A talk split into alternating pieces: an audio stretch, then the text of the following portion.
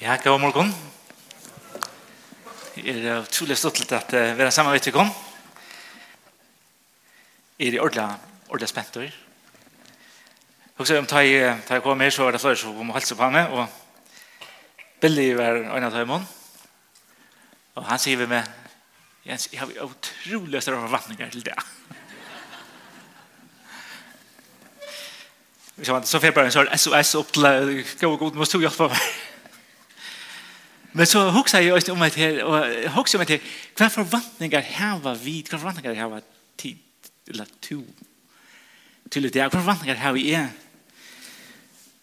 Vi vet att i 17 Timoteus kapitel 3 vers 6 här sänder at alt skriften er innblåst av gode og er nyttelig til lærdom, til samføring, til rattlöjning, til oppfostran og rattvåse.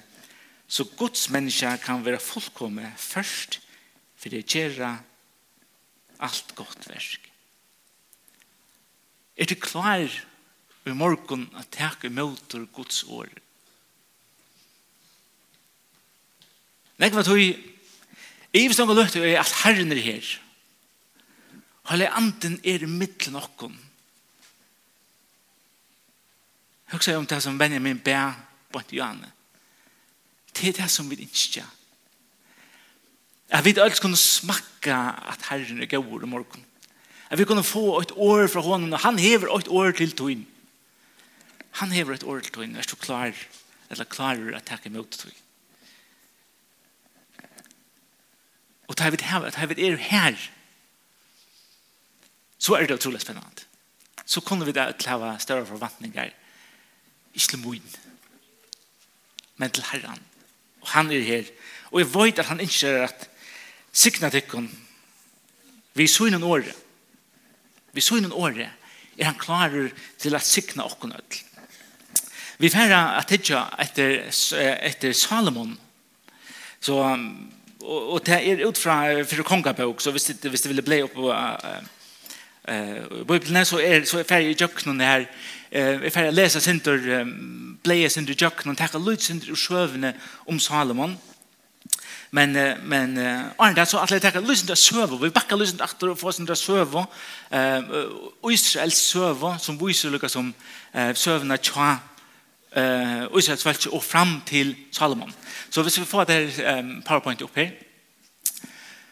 Ehm Ja, så hade sövan om Salomon hon är finna nekvasans på Bibeln för samma språk från kapitel 5 Og så øyne i fyrre kongabøk fra kapitel 8 til 11 stender primært om Salomon hvis det vilja lese om han her. Um, men vi tar sin langt etter hvis du nekker neste.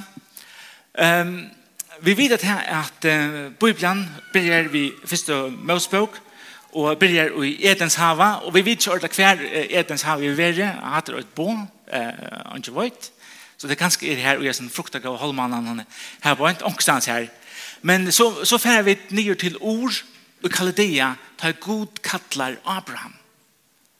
Her, her er det god kattlar Abraham og liksom at jeg skal gjøre til et folk. Og til er her ordet Kaldea nekker her vi, vi Basra.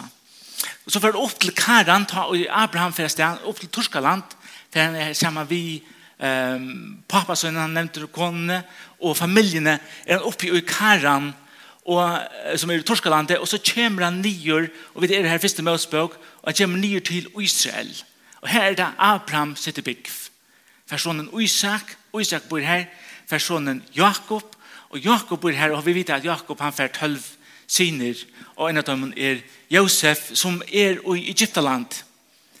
Og, og vi kjenner søvende om Josef i Egyptaland, som han var shelter her, hvordan så bliver eh, faktisk det neste i Egyptaland. Og, og så, så enda første Mosebok, Andre Mosebøk byrjar 400 år at han har at første Mosebøk er Leo. Og ta er Israels folk som var halv fjers personer som kom til Egyptaland sammen med Jakob og var her sammen med Josef. Og, og er, nå er det kanskje et sted med til tver og trutja millioner folk i Egyptaland ta i andre Mosebøk byrjar. Og ta er det, nå er det blevet trealer til Faro. Og først med andre Mosebøk byrjar vi at Moses eh, vil føtter, og Moses han tek det så ur eh, Egyptalandet, det som andre Mosebøk handlar om, kommer til Kina i fjall, ta, eh, her tre Mosebøk er, ta det få lovene, ganske trusht annet for sett, og og det enda oppi her vi Kates og Asna, for det senda njøstnerne affær inn i land. Og vi kommer til fjore Mosebøk, som er at de gengar rundt i øyemørsene, og i sier fjøre til årene, Det er det som fjorda Mosebok handlar om.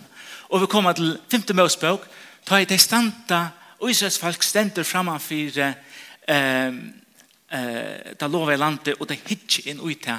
Og Moses hever nekkar taler fyrir dømon, og minner det av alt det som god hever gjørst døgnon eh, fyrst og ære og try og fjorda Mosebok. Det er det som femte Mosebok handlar om.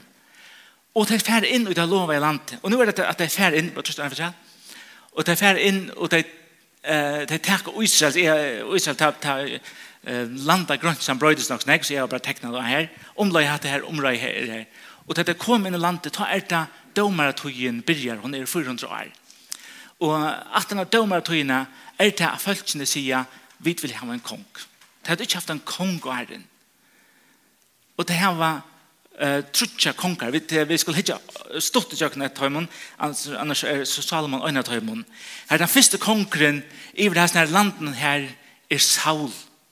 Vi vi känner Saul. Den neste konkren er David. Vi kjenner oss så om han og den tredje är Salomon. Han tar tar trutja konkar er tar konkar i vår landen här och åttan av Salomon så vil landet splitt opp i helt Og det var tvei rujtjer. Og et kallas for Israel, som er den nårere parten, og hitt kallas for Jota, som er den sunnare parten. Og ta er det alles kongane koma, vi, vi leser i Jøkendar, særlig ære kongabøk, om at han var kongur, og han gjør det som ønsker i egen herrens, og så kom det neste, han var kongur, han gjør det som ønsker i egen herrens, og så ble det vi, og ble det vi, og man ble pur i arvidja, for, for noen kongur kvær, og så det. Det er det som hender at han er her. Um, men tar kongene, tar trutje konger, det er det som jeg også med vi skulle hitje etter og i morgen og finne av hva er det vi kunne lære fra hesen kongen. Tar trutje konger, Saul var den første kongeren, vi kjenner så vel søvende om Saul. Han var vekker og, og høtte større enn ødel hine. Han ble valgt til å være en kong, og, og, og alle disse kongene, Saul, David og Salomon, høyde det til felles at det gjør du ikke for å bli konger. Herren valgte det. Saul og David ble valgt av, Saul, av, av, av Samuel her han salva til kong. Og Salomon var født til det. Husk om det jeg tar finger av trutje menn, tar finger en møveløyke av gjerne nekka vi, vi, vi, vi, vi, vi, vi, som vi, vi, Og til øyne øyelig imisk hva det gjøre det. Tid vi tar oss finne akkurat lov. og alt det som vi har, har vi finne fra herren. Og herren han sier, hva vil du gjøre vi til som jeg har givet her? Hva vil du gjøre vi til som jeg har givet her? Og, og det er her som vi også vi skulle være, vi skulle dvølge vi visen her og i morgen, hva gjør vi vi det som vi har finne? Trudje personer, trudje personlige, personlige høyder, trutja innstillingar i fri herran hon, og det som hugsa om det er at det er tru, tru gjørster som høyde øyla imiska innstillingar fri herran. Det var øyla imist. Saul, vi vet om Saul at, at, at, at, at det byrja i veltjånen, men det var bæra byrjanen som var gau. Vi leser omgant om at Saul hei et innlitt forhold vi herran. Vi leser omkring om at, at, at, at, at, han gav sig till Herren och gjorde hans herra liv. Og så om omkring här vil sitere et citat av John Bunyan som er så här. At ta i to bior. lett så hjärtat och helt være åttan år. En år tog inne åttan hjärtat. Så det er et måned nå, sånn her. Og til det som Herren hikker etter, han hikker ikke etter hvordan vel vi rikker, hvordan vel vi lukkast, men han hikker etter hjertan, han sier, oi, er hjertet ikke her? Oi, er hjertet ikke her? Gå til det, det som Herren innskjør. Innskjør til å gjeve honom til liv. Begge, det vil si at man blir frelst, og ta man liksom ser Herren, men øysene kvønt det, og sier, herre, det skal til å gjøre mot liv. Og det gjør vi til mot hjertet. Og det er det som det handlar om. Årdøsene 4, 23. Er det varvøyd hjertet tøyt fram om alt og varvøyd verur til urtøy gong luivi ut. Og så kommer vi til David. Og vi vet at han er med etter Guds hjerte. Han er et brennande hjerte for herren. David gjør det så nekvar foiler. Han totalt kiksa i så ofta. Det er fantastisk åkken, fantastisk å mer å vite. Hva skal det er kanskje ikke endelig hva det er gjør, eller hva det ikke gjør. Men det er det at han er i alle tøyene et godt samband med Herren. Da han, da han kikker så kikker han fullspøyt, og så vender han at Herren sier, Herre, omkyld, det, er, det var skrøft. og jeg venter i atter, og da han er gjørst noe skrøft, så engrer han, og han brøtt i hukkbord, og han brøtt i ætfer.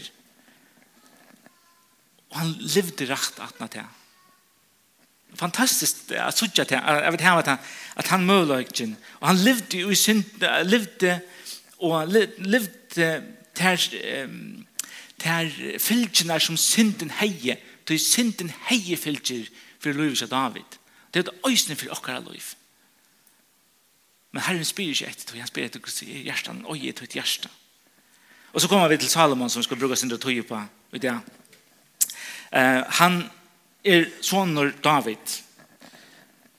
Og i, i Bibelen så øyter han Salomon, eh, Salomo, og i gamle testamentet, og i nødvendig testamentet øyter han Salomon. Og jeg vet ikke hvor, hvis jeg tenker jeg vet hvor, så kunne du komme og se meg dette nå. Jeg vet ikke, det er ganske tøy at uh, gamle testamentet er hebreist, og nødvendig testamentet er grekst, eller armeist, eller latuin. Men, uh, men jeg vet ikke, hvis du vil for å google det, eller, eller for en appen, så... Altså, Og den altså Salomon, og i nødvendig testamentet, og Salomon i Gamle testamentet. Han var ikke, jeg sier Salomon, han var ikke den første sonen til David. David, han fikk 20 syner, og Salomon var nummer 20 i røyene. Og, og vi leser om han i Fyre Kongabøk. Og det er ikke så reelle nekv, det er ikke nekv var sjøver om Salomon. Men jeg heldt vi skulle få hitja, hitja etter han lukkavalg. Han begynner i kapittel 8, ta i Botchansara, Han ikke, den ikke den første som er som er etter etter tronene, men men den neste. Ehm eh vi leser man i han han han heter Adonia. Ehm vi leser om han at han sier ta David i blim sjuk og så sier nu vil jeg være. Og han lukkar som gjør seg sjølvan til kong, han færsar folk at uh, renna fram han fyrir seg, og onkran har blas, og onkran lurar, og så at det nu er jeg konkur, og, og, og, og, og, kanskje det kjenner sønnen, hun kanskje ikke så, så velkjent, at uh, mamman til Salomon Batsepa, hon fyrir til David, saman vi Nathan, profeten, og sier til David, du har lova at Salomon skal være konkur. Og David sier, ja, men det har vi lova. Og mian botchen Adonja feirar til at han er sett sjølvan til kong, så setter David Salomon til kong. Og vi leser, vi skulle lese om det, for vi tar ikke tog jeg færre jøkene til det første, første kapitlet, eller jøkene til det første kapitlet i fyrre kongabog. Her leser vi om at mian tar nå feira, nå høyra da sånn ljø, og, og stavren, han rister, tar larmer nere i Jerusalem. Og ta finne det her til Vorska, det er eh, Salomon som er skjettet til konger i det. Og tar flutja alle sanns av sted. Og det enda vi tog at, eh, at Adonja, han liksom, liksom sier, ok, liksom, jeg er ikke konger av Lukavallen. Og et lite, et lite, som bare som en, en vimersing, um, i, i vers 4, til okkon som er foreldre. Det er det er liksom på ur sammanhengen. Men Adonja, sånne herke, gjør det seg selv han stør han og sier, jeg vil være konger. Og han fikk seg våkner og hestmenn og holdt trusjmanns er denne fire skjær. Og så er det det som jeg husker om. Her sender vi vers 6. Feir hans er herre, hei aldri alle tog hans er ja, haft eit honom og sagt, hvor er best det så eit? Øysen var han ekvile vekker, og han var øysen eldstor etter Absalon också med det till oss som föräldrar att vi att vi hjälpa okkara bøtten vi att ge vad dem eh att upp alla det på den bästa maten som vi kunde och det är då vi omgang til just vi hentan dronjen. Og och det han helt nu ska nu vi leva och konkur så gör det han bara det och men ska vara vad gör hata kunde bara ta till det og, och bruka som det vilja. Det är nekvar nekvar söver om Salomon, vi skal fra vågjere, tog i gonger så forsøkt. Ta han blod konger, så er det David som vil ta seg ved han, og han gjør noen tvei på. Um, og han sier, nummer 8, han sier, lust etter god. Lust etter god. Det er det som han, det som han byr han gjør. Og så det neste, som jeg aldri virker som det løye, men jeg aldri vi kunne bruke det. Lust etter god er nummer 8. Nummer 2 er, for å drepe alt det som har vært i møte meg. Det var bøyne John. Og så tar jeg, da jeg leser det, så sier jeg, ok, hva kan vi bruke det til? Og alt det, det er sånn ikke vi kunne bruke det til, til, til det her, alt er lust etter gode, lust etter hva han her sier vi til, og vi med, og vi åkken. Og nummer tve er at luka alt her vekk, som ikke er godt. At vi tar her vekk, nøyes lest, at vi luka det ut ur løven og til åkken, og Og i kærløyga, jeg vet ikke om han fyrir det. Men det som det handler om til at vi er streng vi okra loiv og hva vi tar inn inni okkar loiv. Filippebrevet 4-8 er sender og sujane brøver og systre. Alt som satt er, alt som samlet er, alt som rett er, alt som rønt er, alt som elskeligt er og alt som vel vil tale om. Øyne og hver dikt og øyne og hver høyer. Hokse om heita. Takk at man tek alt hit vekk. Det er det som, det som, David sier vi sånn og kjass her, lort etter gode.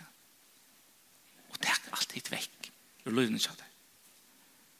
Og så leser vi det vi her om Salomon, hvordan han giftest vi døtte faro, og i kapittel 3, um, og Og så leser vi Mardamas og Metele vel eh, kapittel 3, vers 3 Salomon elskar i Herren så at han gjør det etter tøymon eh, fyrkipan og i David feir hans herre hei give. Han elskar herren og, og hatt er det som vi suttja byrjan i løyven og tjanen. Han er kanskje en 15 år gammal her. Og hoksa meg her, vi som er eldre og kanskje som har bøten og det som er vi, vi tar unko 15 år gammal hetta vært har han byrjaði og til akkurat bøten byrja at ha øysne. Lett okkur, lett okkur om tei Um, ikke som bøtten, men som noen, vi, noen, en veldig potensiale kruksmenn og krukskvinner for herren. Det er 15 år. Ta var det at han lukket som eh, det sender heter at han, at han elsker herren. Og så leser vi om visdomen til Salomon i kapittel 4. Og vi leser at, at God gav honom eh, 4.22 og God gav Salomon visdom og var iver hans og iver hans klokskap Og vi leser om at han, han er så avmetelig klokker. Han er så avmetelig forduften i hessen her, hessen mævren. Og, og så leser vi her om det han kanskje det best kjente søvnene. Jeg vet ikke bare, hoppe bare i løyven til honom om da han skulle døme i middelen hver etter badene eh tar ska inte komma till han vid en battne och bor sig att här oja battne Och han säger at vad ska jag ska jag ska eh, kvätt i helt. Jeg kommer ikke av sønnen, jeg er ikke tydelig da. I helt, så får den kursen helt. Og så er det mamma til batten og sier, nei, lett hinna få battene. Så battene lever da. Og så er det han dømer, så sier han, jeg vet ikke, det er to som øye battene. Hinn vilja at det skulle kvettas helt, men det er mamman ikke vilja. Og hadde han den første som han dømer om, at han, at han har haft den denne dreimen Og her han byr om visdom. Han byr om visdom til å skilja hva det er godt og hva det er illt. Og sånn hit, han er 15 år her. Og så leser vi om uh, at han bygger tempelet og at drottningen Ushaba kommer av vidtja. Hatt er, hatt lukket som ter, ter sjøvene vi, vi leser om. Og her, her vi tror ikke en mann som hever en visdom som han finner fra herrene som er så ometelig større. Vi leser om en mann som elskar god, men så leser vi det i kapittel 11. Men Salomon elsk, men Salomon konkur elskar i nekvar fremmande kvinner, er en døtte faro, og så stender om hver det var fra kvinner av folkesløven, og i herren er sagt om vi Israels menn, tid må ikke hava vi her, vi hei at gjøre, til det for å dreie tikkere, dreie hjertet tikkere fra hon. Og her så gjør vi tid, vi har en mann som har så ometelig størst potensial. Han har vært et land som er så ometelig størst, og et rydje som er vokse, og vi så ikke her at han fettler fra. Han har rätta fokus, han hever den vysdomen, og tid han har telva seg fram til så nekv godt. Men vysdomen til hånden tog ivord. Og han er anlitt av seg sjølvant tid. Og jeg husker jeg tås av tikkun som er ganske umunnen alltid oppetter. Her vi ganske er å komme til det her vi sier at vårt skal jeg void. Jeg void så nekv. Så det er vel det nekv. Gint jeg møte alt mot liv. Jeg har lært jeg alt mot liv. Og på samme måte som han, han er i telva seg fram til så nekv godt. Hugsi om at her, at han fekser seg konen her, nå, det, det er totalt ekstremt vis mannen hans. Fullstendig ute av proporsjonen hans. Han, han, han fekser seg konen og det som er visen her, de aller fleste kan ikke ut fra, at, at han fekser tjej hundra koner. Tjej hundra. Det, ikke nok for det, 600 kroner, så fikk han seg 300 uh, tjakoner, altså. Bare stått lager det. Attrekt. Det er så langt ut. Og så, men det som han har gjort i større parten det er det at han, at han, at uh, han færser koner i, i London for å bytja samband vid London. Så det er ikke krutsk, men så han kan teke ivor og få avvurskan, og han sier rujt det om å vekse så og metalene, og landet er omgant så størst som til Salomon. Det er så totalt suksess i livet noen, men hjertet til henne for borster fra her, og tid hoks om hvordan jeg liv han er sparst, hvordan jeg krutsk han slappen undan, bare vi er få seg disse forskjellige koner, så det er det hvordan fornuft det er, Vi halde til at vi kunne tenke det til okken og sier at Guds nek fornuft brukar vi til at vi færa bort fra herren til at tenke det som vi vita er rett en løyfstull som vi vita er rett men for friskilt så sier man ikke det er bedre og vi lærte okken gløye spekeligene som Salomon fikk seg koner så finket her hus og så finket her tjeneste folk Og så finner der prester og tempel og godar, setter inn i et høyme jeg og så tar Salman ved Vitthøymon, og han sier at han elsker i der.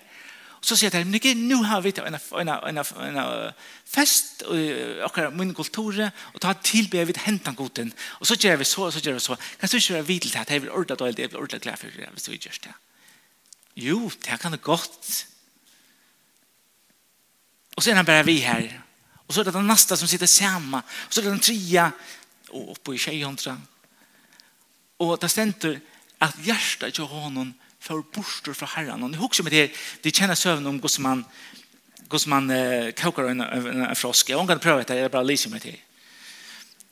Og jeg vet ikke om det er, jeg vet ikke om det er, jeg vet ikke om det passer, Men jeg sier at man kokar en frosk, tittar vid allt det her. Men til å köra en frosk nede i vatten som er akkurat til pass.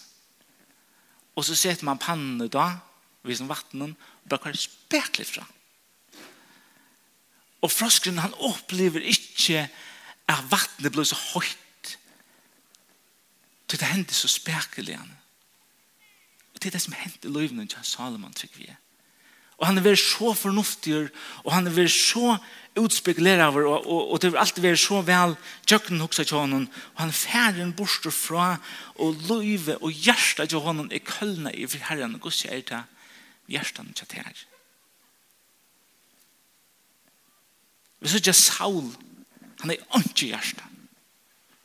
Vi ser ikke David, han er et høyt hjertan for herren. Han brente for herren. Og vi sier ikke Salomon, og til Salomon hei et høyt hjertan. Helten av løyvene honom og gavan. Men hin helten hei han for seg selv. Han var ikke halv hjertan vår, men det var bare helten hjertan Er det nekko i tøyne løyve som du sier vi herren tar, du slipper ikke fram et her. Du slipper ikke fram et som parten og i møyne løyve. Onkran, onkran part gjør vi her, men ikke atlan part. Og så er det sånn nekk om Salomon, han lortet ikke etter sånn ekne ravun. Han skriver i Hasangen, som er en, en, en så omedelig vekker, vekker lysing av en forhold mellom en mann og en kvinne. Og så videre vi det, at han er i 600 eller 1000 i alt. Solomon, han skriver två solmar. Han har allra helst samla solmaner og øsne da han gjør det tempelet. Solmaner samlet i flere ferier. Vi leser om årtørsene. Her han skriver at de aller fleste, gosser kapittel 8 til 22, her han skriver, og jeg vet at nekva tikkun få en større glede, eller nekva okkon få en større glede ur årtørsene. Og så videre at han skriver prætikeren. Og vi råkner ta at han er blevet gammal her han skriver prætikaren, og kanskje, kanskje er han kommet attor, og i endan av prætikaren, til onker som sier til han.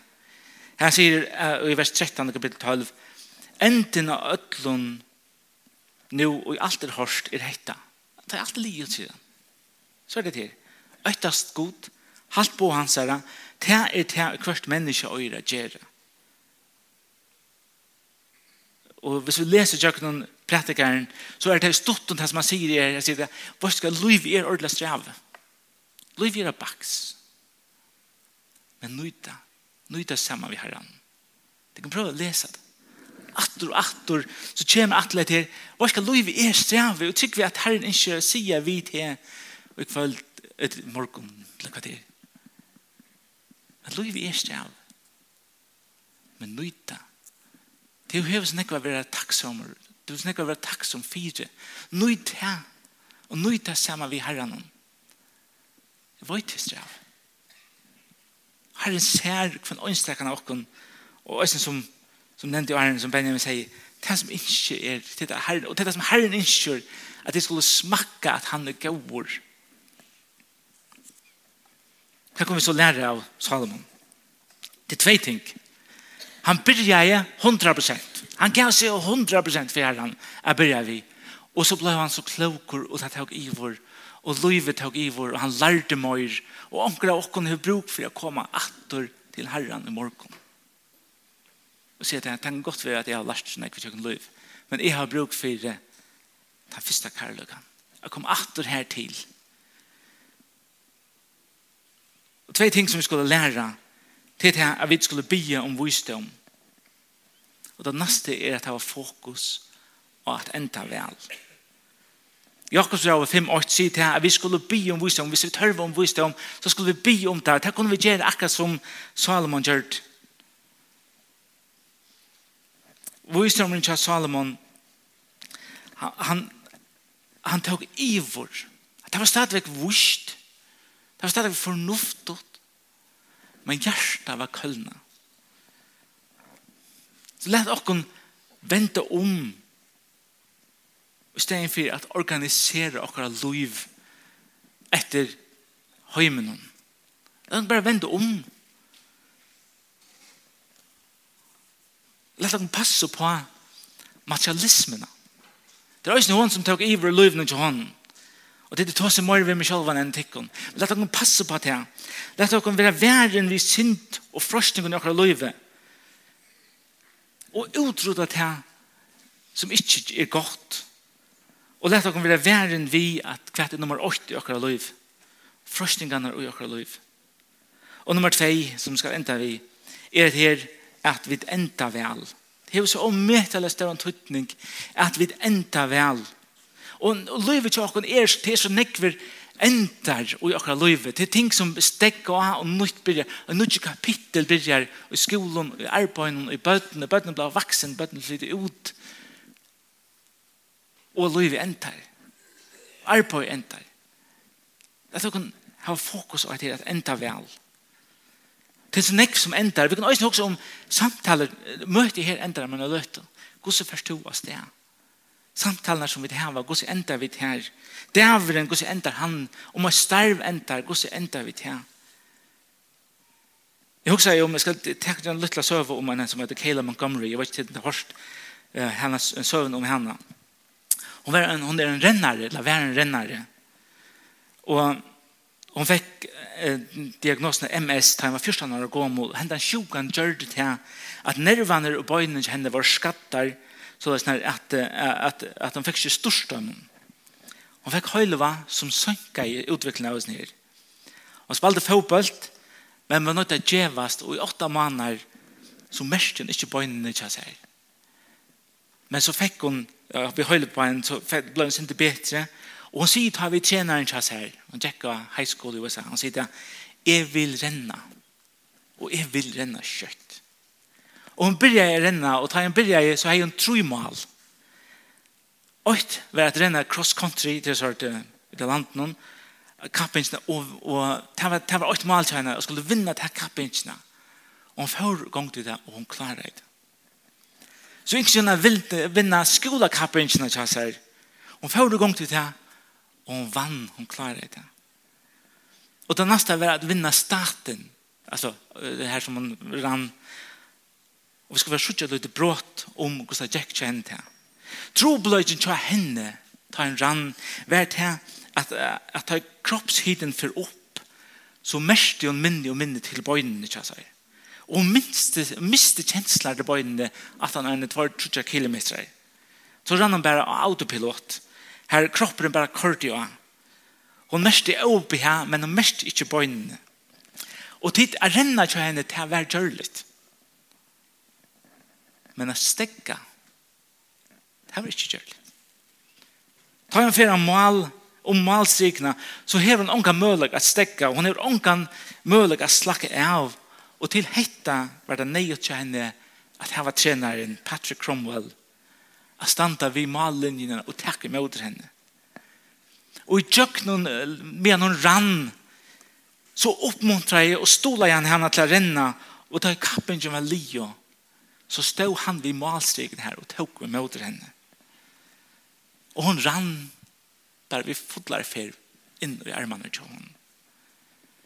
Han flottet seg ikke, og hun slakket ikke av. Og da han tok henne, så hørte man henne si, og så hørte man si, å, mine bøyn, mine bøyn, jeg mest ikke mine bøyn, hjelp meg. Og han sier til Ørtan, jeg er her. Og så spekler jeg som kroppstemperaturen til henne for nye år, så kommer kjenslene og i etter bøynene. Det er det avtale. Hun rann, og han lofta i. Og en dag så er hun malsrik øyne her, og mye øyne. Og til, og i dag så har vi en feir som stender klarer, og han sier, kom til mye. Kom til mye i dag. Det var fantastisk å kunne renne inn i hans armar. Lett dere bare renne vi fullspyt. Lett dere køyre hett. Men vi må gjøre akkurat liv til han. Og vi må avgjøre at er ikke at enda vel, jeg ikke enda vi fotler fer. Keila har bruk for hjelp. Salomon har bruk for hjelp. Jeg har bruk for hjelp. Og to har bruk for hjelp. Ta i alt lio, ta i styrkjen og i sin lio. Kanskje omkring her ikke kjenner Jesus som sin frelsare. De kjenner ikke han der veien som stender vi i linjene og bojer. Så gjør du til lov til herren ut igjen. Onkel annar har bruk for det at nu kommer fram og be om forbund og be sammen med onkel om og sier til her ja, må jeg vise om det ikke iver men jeg ikke gjør mitt liv atter til han som er klarer at lofta meg riktig